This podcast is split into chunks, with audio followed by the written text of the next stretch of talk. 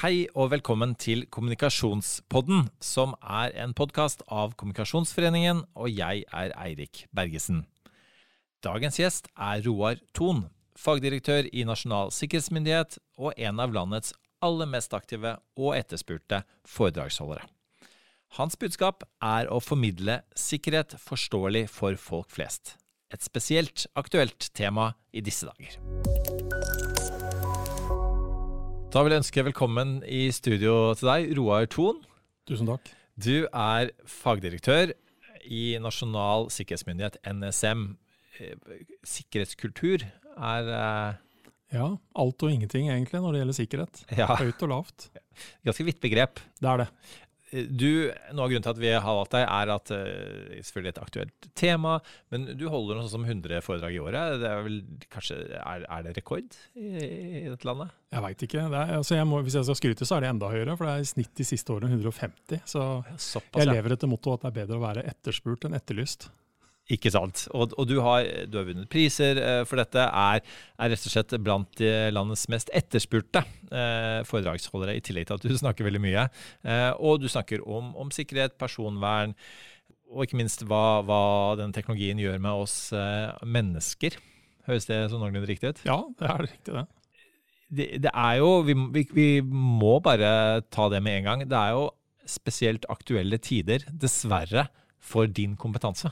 Uten tvil, dessverre. Eh, vi er i en situasjon, eh, utenriks- og sikkerhetspolitisk situasjon som er eh, ganske krevende. Og det påvirker oss. Og det påvirker oss på mange måter uten at vi fullt ut forstår det òg. Indirekte. Fordi når vi bruker teknologi, så henger den sammen. Så når noen forsøker å gjøre noe ett sted, så får det ringvirkninger andre sted. Og, det er selvfølgelig sånn at man For mange er det hyggelig å føle at ens kompetanse er etterspurt. Men, men eh, kjenner du litt på det dager, disse dager nå, eller er det bare eh, problematisk det si at verden er som den er? At, at eh, din kompetanse er det veldig stort behov for? Det skulle gjerne vært denne situasjonen foruten, men så har det samtidig vært sånn i mange mange år at eh, det skjer hele tida hendelser som gjør at dette temaet da dessverre blir aktuelt. Eh, men når disse hendelsene også oppstår, så gjør det det faktisk også enklere å formidle budskapet rundt det. Da, fordi det er noe å henge knaggen på, rett og slett. Og, og, da, da, er vi egentlig ved, ved, kjernen eh, for dette, eh, nemlig hva er budskapet ditt? Budskapet mitt er til syvende og sist at vi alle sammen er dessverre et digitalt mål, uansett om vi vil eller ikke. For vi har en eller annen form for digital tilstedeværelse. Uh, og det må vi forholde oss til. Uh, vi er det som samfunn, vi er det som virksomheter og vi er det som enkeltpersoner. Så, så det er nok et av de, de, tingene vi forsøker å få størst gjennomslag for. At man forstår at man må faktisk gjøre en del ting selv for å passe på sin egen, egen verdi da, uh, og informasjon. Og, og, det er riktig å si at dette er som et hovedbudskap, så har du vel mange andre underbudskap der også? Ja, altså uten tvil. fordi dette er, jo, dette er jo et særdeles vidt område. Og min egen organisasjon handler jo da ikke bare om cybersikkerhet og datasikkerhet og alle disse fancy ordene. Det handler om det fysiske sikkerhet, det handler om tiltak mot spionasje, etterretning, altså menneskelige faktorer. Så det er veldig, veldig mye inni disse begrepene. Uh, og det gjør det jo veldig sånn interessant og fascinerende å få lov til å være en av de som skal kommunisere noe av dette utad. Mene noe om det til tider. For det var ikke nødvendigvis meningen at, at, du skulle ende der. Du er jo utgangspunktet en fagmann. Ja, og det gjør jeg egentlig et poeng av, uten med fare for å fornærme både dere som har invitert meg og, og de som hører på, så, så, har jeg egentlig sagt i ganske lang tid at den dagen dere ser på meg som kommunikasjonsrådgiver, fordi jeg jobber i kommunikasjonsavdelingen i NSM, da slutter jeg. Fordi jeg har havna der by accident er feil å si, for jeg føler jeg så til de grader er på rett sted. Uh, men jeg har jo en uh, veldig hva på å si, sikkerhetsrelatert bakgrunn fra politiet og Forsvaret. Jobbet med det i mange år, før jeg kom til NSM i 2003. Så jeg begynner å ha vært der en stund. Men jeg kom dit som fagperson for å drive med helt klare faglige ting. Men så har jeg alltid likt å formidle. Så jeg begynte jo allerede da å formidle det faget jeg drev med der. Og så ble jeg etter hvert brukt av håper å si, framsynte ledere som så at det var på tide å komme litt mer fram i lyset som organisasjon, og bruke enkelte av fagområdene våre til å formidle uh, ja, for samfunnet et veldig viktig budskap, og der ble jeg en av de. Hva er det du liker med å formidle, da? det er den følelsen av å kunne bidra med noe som for det første jeg syns er veldig viktig, altså når det gjelder da sikkerhet, men det er også den følelsen av å kunne eh, få lov til å grave seg ned i si, faglige ting og se på hvordan vi hele tida kan få fram de tingene på en forståelig måte for folk flest. da. Mm. Og eh, du, det, det, du sa nå i stad om budskap, det er åpenbart en forenkling. Ja. Og jeg så på Twitter-profilen din, så skriver du 'forsøker å formidle sikkerhet forståelig for folk flest'. Mm. Um, og du kanskje brukt litt tid på å formulere den, uh, den setningen nå? Eller? Ja, det er ja, mulig at jeg har endra den bioen på Twitter noen ganger, men, men, ja. Eh, det er i hvert fall blitt sånn over tid at eh, det er eh, ganske viktig. Men når du skal, når du skal på en måte forenkle da, et, et stort fagfelt, sikkerhetskultur, i, i, her i én setning, men, men i stad i, i noen, noen, flere setninger, så er det uansett måte ja, en forenkling av et ganske komplekst saksområde. Mange fagbegrep. Hvordan hvordan går man frem for å, for å forenkle og for eh, å ikke miste nyanser? Nei, altså jeg tror, jeg tror, nesten ikke man greier å gjøre det uten å miste alle nyansene. fordi Hvis du skal ta med alle nyansene, så blir dette her veldig kjedelig og tørt uh, uansett. Uh, men, men, det handler om å det handler om å greie å få til seg veldig mye informasjon. Uh, jeg leser veldig mye av de produktene. Altså, jeg representerer jo en, en stor, kompleks organisasjon. Mm. som har ekstremt mye dyktige fagmennesker, som skriver og gjør, uh, og, og, og, også operativt veldig mye. Vi håndterer jo også konkrete hendelser. Så det å få med seg alt det som i realiteten skjer der, og så uh, ha noen prosesser med hvordan er det, hva betyr dette her for folk ute i gata? da? Og hvordan kan jeg fortelle om dette til folk ute i gata? For det er jo en annen faktor i dette her òg, og det er at en del av det jeg nå snakker om, det er jo ting vi heller ikke kan snakke om. Fordi det er i min verden det vi kaller sikkerhetsgradert informasjon. Men det fins også muligheter for å fortelle om hva vi rammes av som samfunn, uten nødvendigvis å røpe liksom detaljene. Så det er liksom den, den, delen der som også er en utfordrende faktor. Da. Vi skal snakke litt om, om de prosessene òg, men, men, bare litt på dette med kompleksiteten. Um, når, når, du går ut med, med et budskap uh, som er, er, forenklet uh, til offentligheten, får du noen ganger tilbakemeldinger på at uh, her har du forenkla for mye. Ja, altså man blir jo idiotforklart til tider, ikke sant? av uh, veldig dyktige fagmennesker. Uh, og, og skal ikke si at de ikke har rett, men de forstår ikke settingen man er i og hva man forsøker å oppnå. Uh, fordi En episode som ligger noen år tilbake, da var det sånn i samfunnet vårt at for at vi skulle kunne logge oss på nettbanken vår, på PC-en vår og gå og bruke Norsk Tipping osv., så, videre, så måtte vi ha et, rett og slett en liten programvaresnutt som het Java. Som ingen savner nå? Som ingen savner nå, absolutt ikke. Eh, fordi den var det mye Man måtte hele tida passe på å ha den riktige versjonen osv. Og ting skulle fungere, og det var mye trøbbel med den. Og en vakker dag så var det så mye trøbbel at vi i NSM Altså Det var en høy risiko ved den. Eh, vi gikk eh, veldig aktivt ut og eide vel nesten litt media den dagen. Sikkert en stille dag av andre hendelser. Men da blir det sånn at det blir dekning på Dagsrevyen og andre steder. Og budskapet er jo til syvende og sist eh, at dette er noe som nå utnyttes, og vi ba folk om å deaktivere dette her. Eh, også vel vitende om at det var ikke alle som var i stand til å gjøre det heller. Men det jeg da forklarte dette med, var det jeg nettopp sa. Det er programvaresnutt du trenger for å ha for å bruke nettbanken din og Norsk Tipping. Og så kommer det da sånne lange, småsinte e-poster på en A4-side med at vi er jo idioter hvis vi ikke skjønner hva Java virkelig er. Og så kommer det en lang, lang faglig forklaring på hva det er den, den, tida får du verken på Dagsrevyen eller andre steder til å forklare. Og, og, hadde jeg forklart på den måten, hadde ikke folk forstått hva vi egentlig snakker om. Og Det er jo det som er poenget her. Oh, men Hvordan er det da, når, når, du, for du har jo sikkert noen av de samme stemmene i din organisasjon som, som tenker at eh, når du skal, når dere setter deg ned og skal formulere dette budskapet, som tenker at ja, men det må i hvert fall med, og, og dette kan vi ikke klare oss uten. Altså, hvordan, hvordan er den prosessen når du, når du ved hjelp av dine fageksperter skal på en måte prøve å få med det viktigste, da, eh, og samtidig eh, skrive det, formulere det på en måte som gjør at folk faktisk får det med seg. Jo, altså, jeg må jo si at jeg har vel fått lov over tid til å, til å få en ganske sånn sterk og klar mening på hvordan hvert fall jeg selv skal formidle dette her. Eh, for det finnes nok ulike måter å formidle noen av de budskapene på, og det tror jeg er viktig å understreke.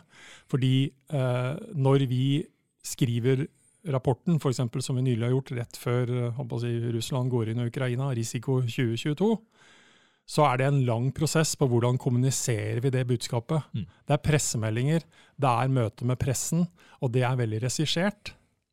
Men min tolkning av det, det jeg altså da formidler videre, eh, er litt med min egen stemme. Uh, og så fungerer begge versjonene, for å si det sånn, men det er ofte til litt ulik publikum.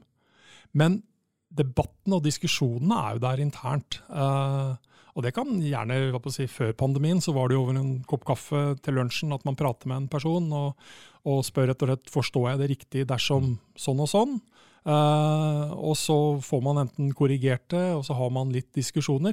Men det er sjelden eller aldri jeg egentlig går inn sånn at jeg har tenkt å si dette. Uh, teste ut noe, kanskje. Men noen ganger så må man til en viss grad heve seg litt over det òg, fordi fagpersoner har en tendens da, til å kanskje riktignok ta seg veldig høytidelig til tider, og ikke ønsker å miste alle nyansene som gjør at de, noen ganger så framstår de litt redde for å få kritikk fra andre fagpersoner mm. innenfor sitt fagfelt. Mm. Og så forstår man ikke til tider hvordan man må formidle det budskapet hvis så mange som mulig skal forstå det. Mm. Men du, du, har jo en podkast, eller dere har en ja. podkast selv, som, som du er med på. Og du forklarte for meg tidligere at det er nærmest er den lunsjpraten som du nevnte nå, som, som, du rett og slett bare skrur på mikrofonen og, og tar ut i offentligheten. Ja, og den, den er særdeles lettbeint. Den er liksom Ja, vi tar oss ikke selv så veldig høytidelig osv. Vi har sågar sunget, og det er, jo litt, det, det er jo litt uvanlig når man tenker på hvem vi representerer, da. Eh, og så kommer det jo noen tilbakemeldinger internt også noen ganger. Jeg, ikke, jeg husker en episode jeg traff en, en, leder i heisen som sier at jeg uh, ikke kunne forvente å få noen gullmedalje fra hans fagavdeling på den episoden. Eh, og så er egentlig svaret mitt at det lever jeg veldig fint med, fordi jeg vet tilbakemeldingene ellers fra de som faktisk lytter. Og det er de, som, det er de vi lager dette til, ikke for vår egen fagavdeling på mange måter. Du sier at, at, at uh, noen er, kan være skeptiske, noen kan komme med, med en skeiv kommentar. Men på hvilken måte måler du eh, suksess? Altså nå, Du har jo har fått priser, så det er jo en suksess i seg sjøl. Men, men på hvordan eh, måler dere at, at, dere når frem med budskapet deres? Altså, jeg vil jo si at uh, altså, For det første så drives jo dette også av veldig av hendelser. Uh, så, så, man har jo godt hjulpet her. Uh, dette er jo ikke et legemiddelfirma som forsøker å få ut budskapet rundt et produkt, for å si det sånn. Dette er et kontinuerlig greie som, som, alle i samfunnet egentlig rammes av. Så det, det, er jo mange faktorer som spiller inn på, på hvor mye oppmerksomhet man får. Men hvis jeg ser tilbake i tid, nå har jeg jo begynt å få noen år i denne organisasjonen, så, så, var nok ikke akkurat uh, Når jeg begynte i 2003, var ikke dette med sikkerhet og digital sikkerhet noe som verken media eller mange andre var så veldig opptatt av. Det er jo totalt endra i dag. Og suksessen kan sikkert måles på mange måter, men hvis jeg tar en av de tingene jeg bruker mye tid på, da, foredragsvirksomheten min, mm. så, så, kan jeg jo si at man kan måle suksessen i at man faktisk blir etterspurt. For jeg er ikke den eneste som driver med det. Jeg har også en annen kollega som også er med på podkasten, som, som, også etter hvert har bygd seg opp en betydelig liksom, etterspørsel på vedkommendes foredrag. Mm.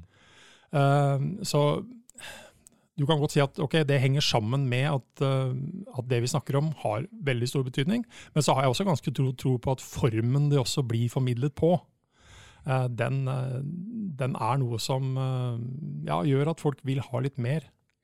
Er det riktig å si at um, dette med altså, utviklingen da, de siste årene har gått fra på en måte å altså den nasjonale eh, sikkerheten til den personlige sikkerheten til folk. At, at, det er noe av det som gjør at, at man er mer interessert i, i det, det temaet du formidler? Ja, altså, og så henger jo dette sammen. da. Mm. Fordi Vi er jo faktisk i den situasjonen, og det, det, er nok en erkjennelse vi som organisasjon gjorde for mange år siden. at skal vi kunne sikre de, de, tingene vi virkelig er til for å sikre, altså da snakker vi eh, rikets sikkerhet og nasjonal sikkerhet og alle disse litt sånn svulstige begrepene, så er vi faktisk avhengig av at veldig mange i dette samfunnet gjør de riktige tingene selv. Mm. Fordi denne grunnmuren vår blir egentlig aldri bedre enn de svakeste leddene. Så vi er faktisk avhengig av at enkeltindivider både har kunnskap og gjør de riktige tingene. Og det var også en sånn litt sånn at vi da satte i gang med bevisst mye mer utadretta kommunikasjon. Eh, fordi jeg har jo samtaler med f.eks. nordiske kolleger, eh, søsterorganisasjoner som driver med det samme. Mm. og det sitter langt inne mange steder å være en organisasjon som vår, en av de såkalt hemmelige tjenestene, og drive såpass mye utadretta virksomhet som vi gjør. Og noen ganger også i den stilen vi gjør det på. Ja, fordi eh, det, har, det, har, også endret seg ganske mye i løpet av de, de, siste årene. Man har fått en helt annen type åpenhet. Hvorfor det, og på hvilken måte? Rett og slett fordi behovet er der, som jeg sa i stad. Uh, men, men, det er også litt at vi, vi kom til en erkjennelse, uh, slik jeg ser det i hvert fall, at vi sitter med ekstremt mye kompetanse og kunnskap som primært er der for å nettopp sikre disse nasjonale verdiene, men som samtidig har en betydelig verdi langt utover det. Så det da plutselig skulle formidle og publisere den kunnskapen ut til altså allmennheten, har blitt et oppdrag i seg selv. Og som jo selvsagt også har blitt et ønsket eh, oppdrag fra politikere og andre, at man kommer på banen. Mm. Nå i disse dager med, med, med, krigen rundt oss, eh, så opplever vi også at eh, organisasjoner som Nato er veldig åpne i, med sine sikkerhetsvurderinger. plutselig er man ute i forkant og, og, og sier at man, man man tror det blir krig, man tror det blir invasjon. Dette er jo, I gamle dager så ville man kanskje ha vært eh, litt mer tilbakeholdne. Hva er det som gjør at man er eh, mer åpne også om dette med rikets sikkerhet? Nei, men jeg, det, For meg så handler det mer om at man har erkjent at dette, dette er såpass viktig at det angår alle. Og det, det ligger litt på, hvis man tenker sånn at mye av dette er basert på etterretningsinformasjon, analyser og liksom denne hemmelige verden det får sjelden stor verdi hvis du bare sitter på deg selv. Altså. Du må til syvende og sist bruke det til noe. Og den eh, robustheten som man kanskje greier å bygge opp ved å bruke og være ganske synlig, og være ærlig også om både det man vet og ikke vet, eh, skaper en større troverdighet, rett og slett. Og det er noe som jeg er litt opptatt av i budskapet mitt. At jeg, eh, jeg legger egentlig litt sånn at eh, vi vet ikke alt. Uh, det er en rekke ting som kan skje. Altså, du er, forsøker å være litt ærlig med det budskapet som kommer her òg, og ikke være for bombastisk. Mm. Og eh, For å bevege oss enda lenger ned fra si, rikets sikkerhet til den personlige sikkerheten. Eh, datainnbrudd, kriminalitet, det er jo mye annet enn hybrid krigføring eh, og hackerangrep folk skal være eh, redde for. Men eh, er, det en tendens at, noen kanskje er, redde for teknologi i seg selv? At eh, Du nevnte dette med, med, Java, at man bare et sånt ord gjør at folk blir skremt. Altså Hvordan får du på en måte senker du terskelen for at folk i hele tatt lytter når du snakker om teknologi? Nei, altså, da, da, er det å bruke eh, eksempler. Eh, jeg bruker ofte Jeg liker Jeg er kanskje litt sånn nostalgisk anlagt, så jeg bruker veldig mye eksempler fra, fra gamle dager. Fordi, fordi, jeg har en påstand, og det er at vi preger Altså, vi er jo ikke digitale mennesker. Vi er analoge mennesker. Og du og jeg, vi er i hvert fall i en alder hvor vi nok må erkjenne at vår oppvekst, det var med telefonkioskens dager og ikke sant? Altså null sosiale medier og det der. Og det er det vi har med oss for å manøvrere oss i en stadig mer egentlig kompleks hverdag. da. Og det å spille litt på akkurat det, fortelle noen av historiene rundt det, og få folk til å reflektere over at øh, jo, det er sånn jeg er også, og det er de utfordringene jeg også har. Eh, og jeg går sjelden inn i en setting og tenker at nå skal jeg liksom vinne over alle og overbevise alle. at alt skal, Men det handler litt om å få folk til å tenke selv, rett og slett. Bruke uh, ja, gjenkjennbare eksempler. Og hva betyr dette her for deg? Hva betyr det at uh, en eller annen bank blir utsatt for et alvorlig dataangrep? Er det noe som du egentlig skal liksom, uh, bry deg om? og hva betyr det for deg? Skal du være redd for at pengene dine blir borte? Ikke nødvendigvis, men det har allikevel noen andre ja, så det du sier rett og slett at teknologi er ikke bare teknologi, det er, det er mennesker? Så altså, enkelt? Jeg, jeg, jeg, misliker det så sterkt når teknologene kommer på banen og snakker om dette som en sånt avans... Altså, det er jo ekstremt avansert. Men man må ikke glemme at dette er lagd av mennesker. Det er kjøpt av mennesker, det er implementert av mennesker, det brukes av mennesker, og det misbrukes av mennesker. Det er menneskelig faktor i enhver tenkelig setting der.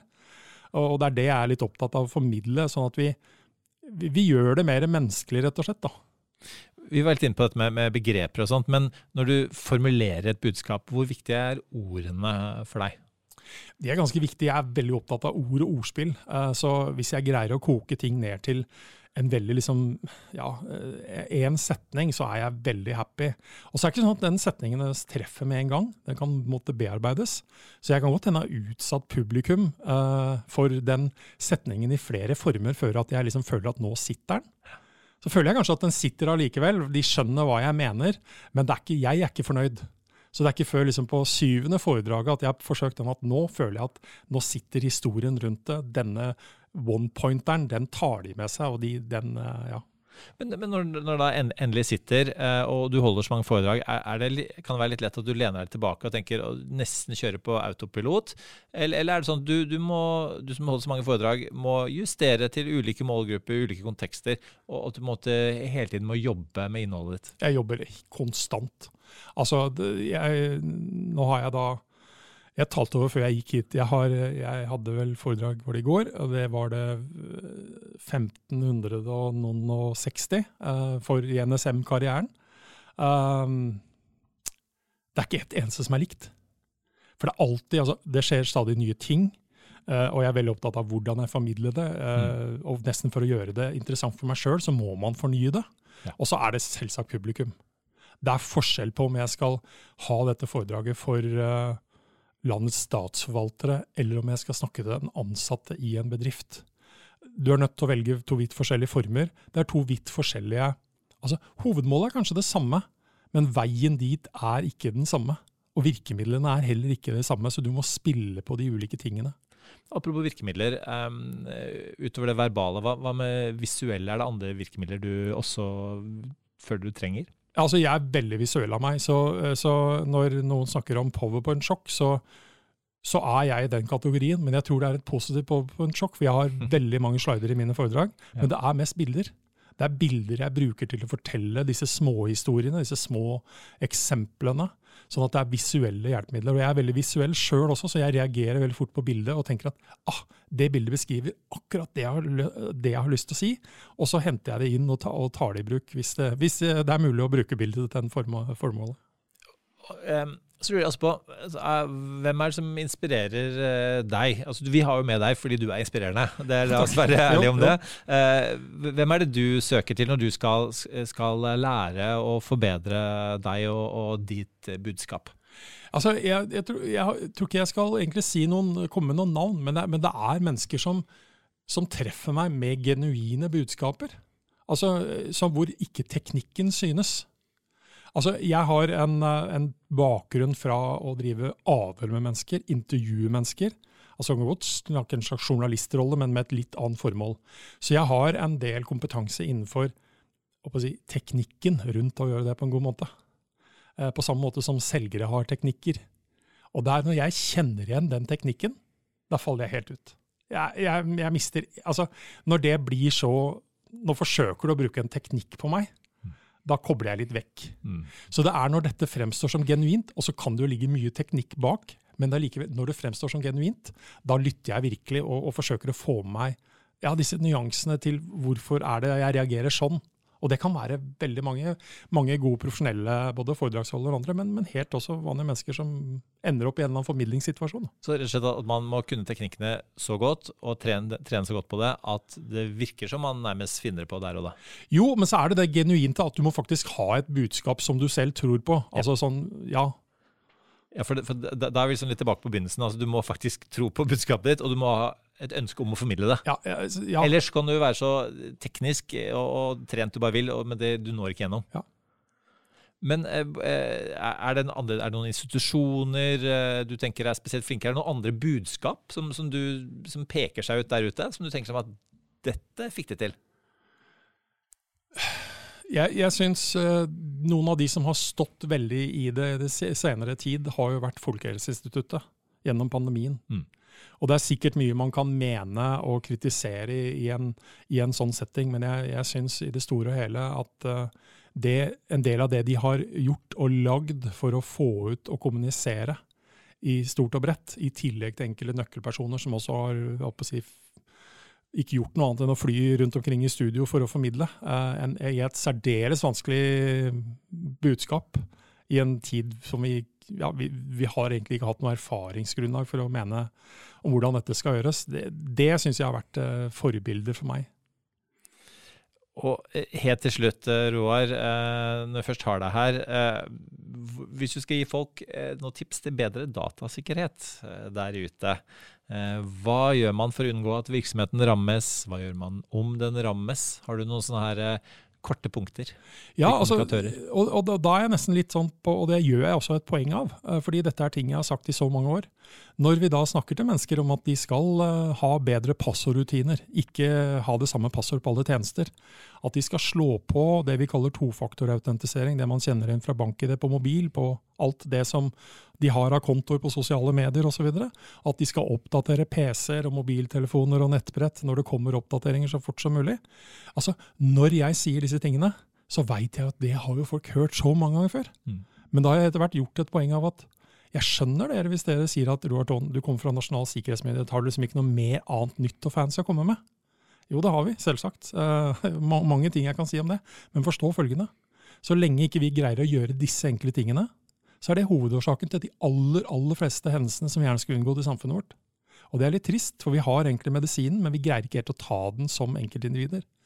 Og jeg tror at når jeg sier det på den måten du har forklart det på nå, så er det betydelig mer forståelig for folk sånn til ettertanke enn at jeg bare hadde messa opp og si bytt passord, altså den type ting da, som vi liksom er vant til å høre. Mm. Jeg la meg overbevise. Jeg kommer til å bytte noen passord etter denne samtalen her, eh, Roar. Og det, tusen takk også for veldig mange gode eh, erfaringer eh, og, og, tips på hvordan eh, andre der ute skal eh, forme og formidle sine budskap. Tusen takk for å være med oss, eh, Roar Thon. Bare hyggelig.